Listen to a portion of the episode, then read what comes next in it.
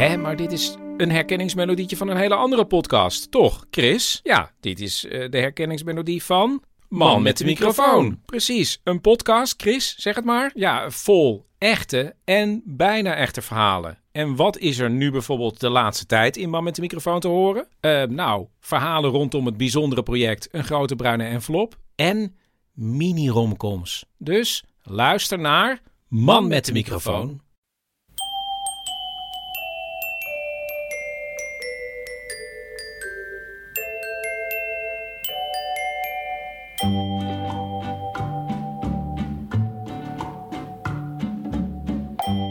Welkom bij aflevering 34 van de Echt Gebeurd podcast, waar echt gebeurde verhalen worden verteld door de mensen die het zelf hebben meegemaakt. Echt Gebeurd wordt maandelijks opgenomen in Toemler onder het Hilton Hotel in Amsterdam. Elke maand is er ook iemand die voorleest uit zijn of haar puberdagboek. Een tijdje geleden deed Anne Butgen dat.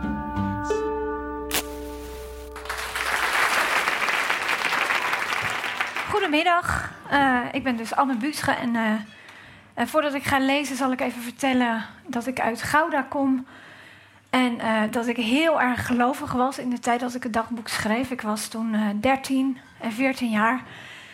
Nou, nu ben ik helemaal niet meer gelovig. Dus als ik het nu teruglees, kan ik me niet meer voorstellen dat ik ooit zo geschreven heb.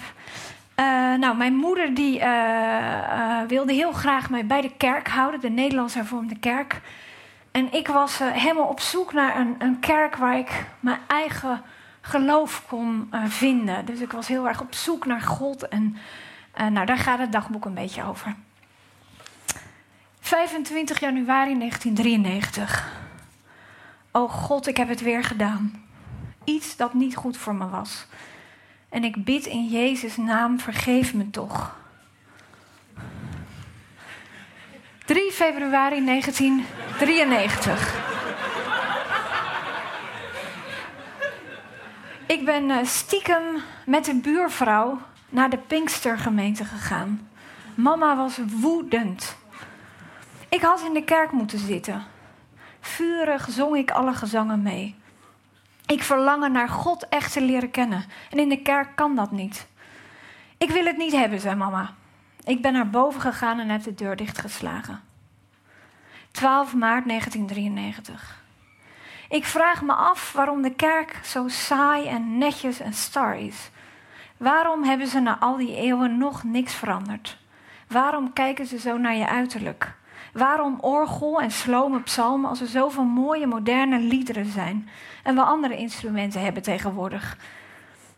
Omdat de kerk vastgeroest is. Alles hetzelfde als altijd. Laatst, waren, laatst kwamen al die monotone psalmen ontzettend op me af. Ik kreeg het heel benauwd en wilde het liefst wegvluchten.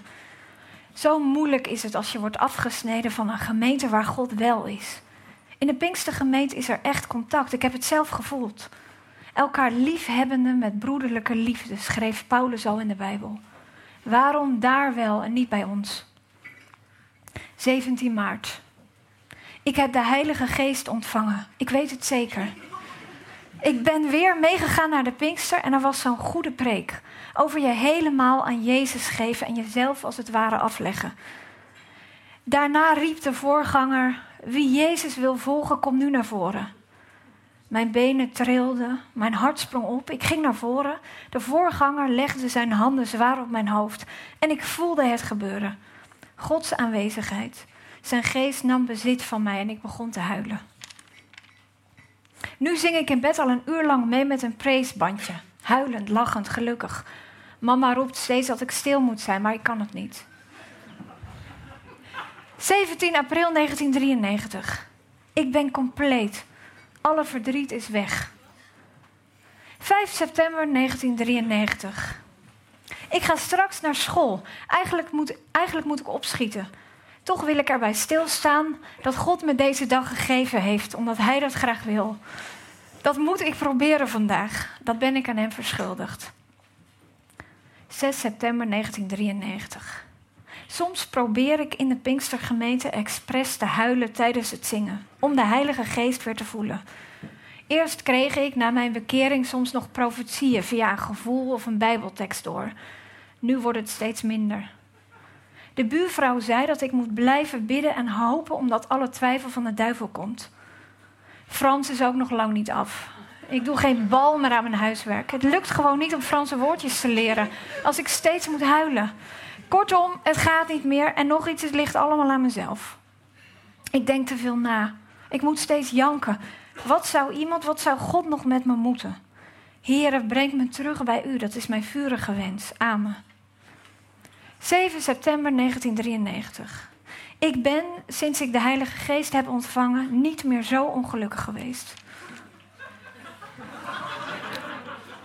9 september 1993. Binnenkort begint Club van de Kerk weer. Aan de ene kant zie ik er ontzettend tegenop. Niemand begrijpt dat ik nu in de Pinkstergemeente thuis hoor. Al mag ik maar één keer per maand van mama. Aan de andere kant zie ik daar wel al mijn vriendinnen en dat is best wel leuk. Ik zie wel. Categorisatie is wel het laatste waar ik zin in heb. Zo saai, zo weinig levend. Ik wil per se bij dominee Abma, maar dat mag niet van mama helaas. 12 september 1993. De glinstering van het water. S'avonds 9 uur. Het heeft een erotisch effect op mij. Diep zuchtend, als zou ik het niet meer aankunnen, fiets ik naar huis. Raak met je verlangende handen mijn verlangende lichaam aan. Neem mijn hoofd tussen je handen en kijk me heel lang aan.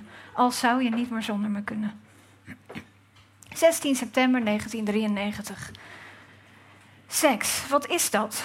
Ik weet dat zelfbevrediging fout is, al vind ik het een lelijk woord. Net zo lelijk als geslachtsgemeenschap. Zo staat het in het boekje van Ali Hoek van Koten. Zelfbevrediging is niet hoe God het bedoeld heeft, maar hoe dan wel? Ik, ik, begrijp, ik heb het zelf heel serieus teruggelezen, maar het blijkt heel komisch te zijn. Ik begrijp niet waarom seks specifiek in het huwelijk thuis zou horen. Waarom het bij twee mensen hoort als een liefdestaal zonder woorden. De laatste tijd heb ik er gewoon zin in. Alleen omdat ik er zin in heb en niet omdat ik iemand anders iets wil zeggen. Ik geloof dat ik het leven soms amper begrijp. 24 september 1993. Vandaag weer naar de buurvrouw gegaan. Het was heerlijk om over het geloof te praten. We zitten echt op dezelfde golflengte. ja.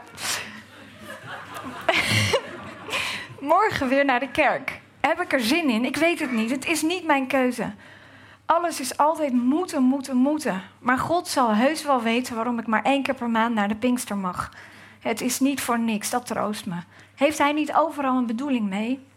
Heer, uw last is licht en uw juk is zacht. 6 oktober 1993. God hielp goed met mijn huiswerk, bijna alles af. Heerlijk. Dank u, Heer. Amen. 7 oktober 1993. De buurvrouw vroeg of ik meeging naar een zendingsavond in de Pinkstergemeente. Omdat het niet op zondag is, kon mama weinig zeggen.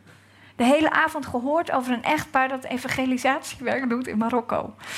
Ik, ik, zou ook niet meer, ik zou ook meer moeten getuigen, maar weet niet hoe. Ik heb de liederen meegezongen en voelde me één met alle mensen. Zo vol vuur als die mensen zijn in hun werk voor God. 9 oktober. We gaan dit jaar geen Sinterklaas vieren en ik ben er zo verontwaardigd over. Ik heb er gewoon geen woorden voor. 10 oktober 1993. Heb gimpen gekocht die heel erg in zijn. Nooit gedacht dat ik daarin zou gaan lopen. Overal staat Beverly Hills op. De doos, de schoenen, onder de veters gelukkig, dan zie je het niet.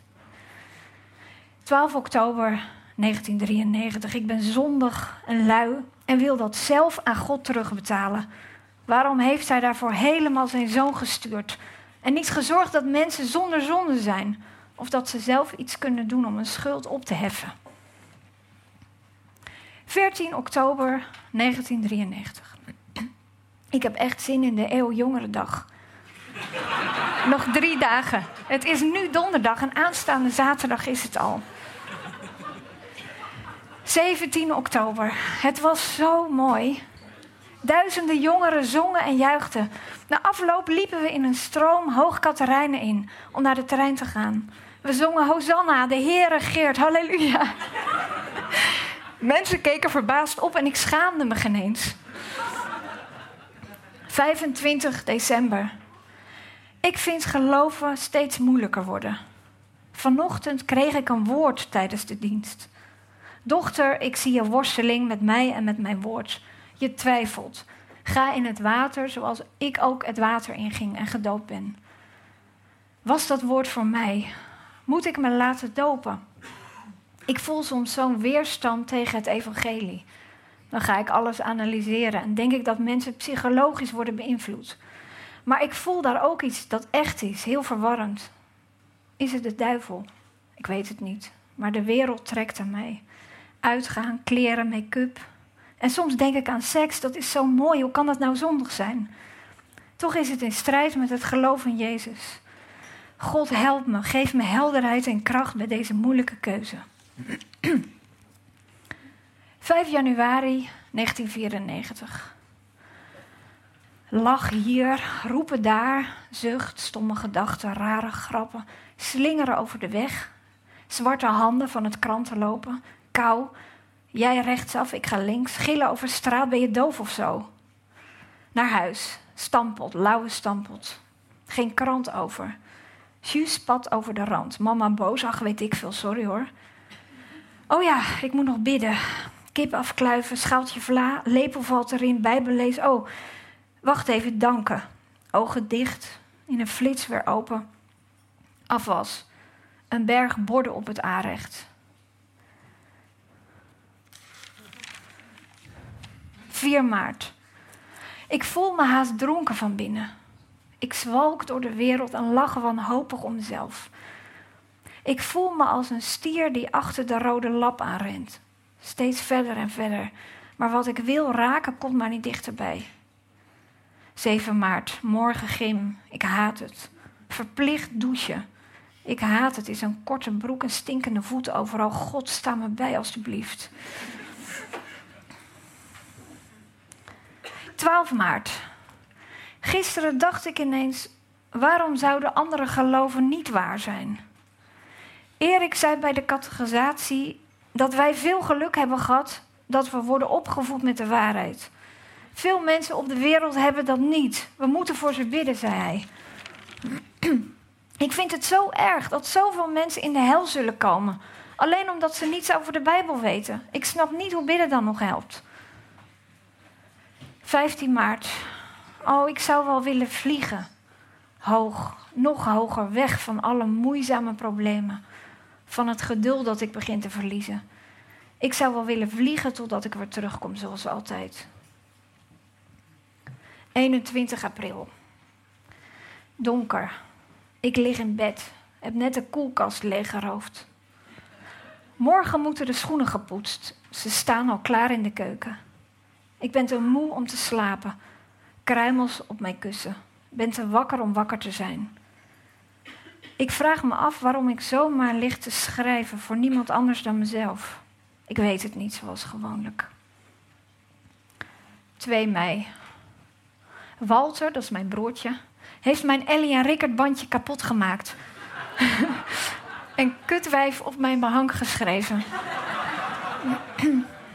dat is heel traumatisch. ik, ik rende naar beneden. Hij zat aan tafel met zijn rug naar me toe.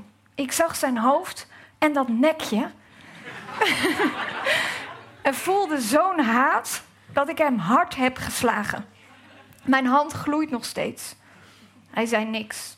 Mama stond naast de tafel en mompelde wat van moet dat nou? Iedereen wist dat ik gelijk had. Ik heb kutwijf met Tipex weggehaald en daar weer bloemetjes op getekend. Op afstand zie je er niks meer van. 7 mei. Het gebeurt niet vaak, maar ik heb een gedicht geschreven en ik weet niet wat het betekent. Ik stond de was te doen en toen moest ik strijken, zakdoeken.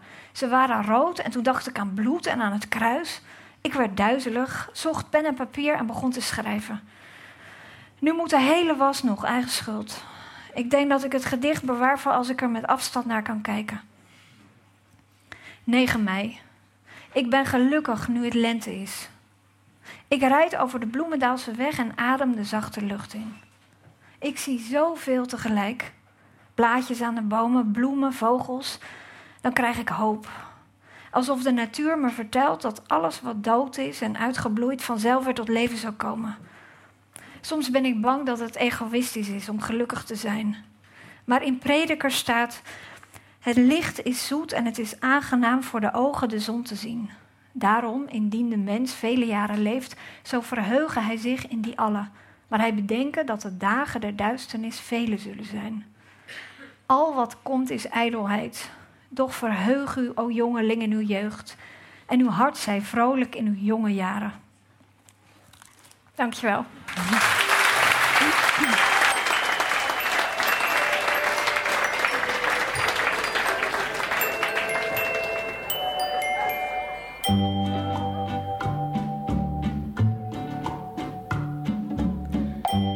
Dat was het puberdagboek van Anne Butgen. Dat Anne al vroeg kon schrijven lijkt me duidelijk. Gelukkig is ze ermee doorgegaan. Ze is nu dichteres en haar meest recente bundel heet Ik schrijf u nog. Wil je ook komen voorlezen uit je dagboek of heb je een goed verhaal te vertellen? Je bent van harte uitgenodigd. Alle informatie hieromtrent staat op onze website www.echtgebeurtintoemler.nl. Op 17, 18 en 19 augustus is Echt Gebeurd te zien op Lowlands.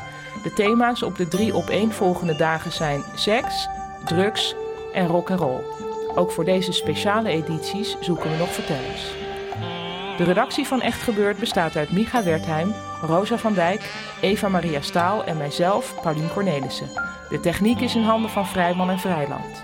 Bedankt voor het luisteren en denk af en toe nog eens aan de erotische glinstering op het wateroppervlak. Tot de volgende podcast.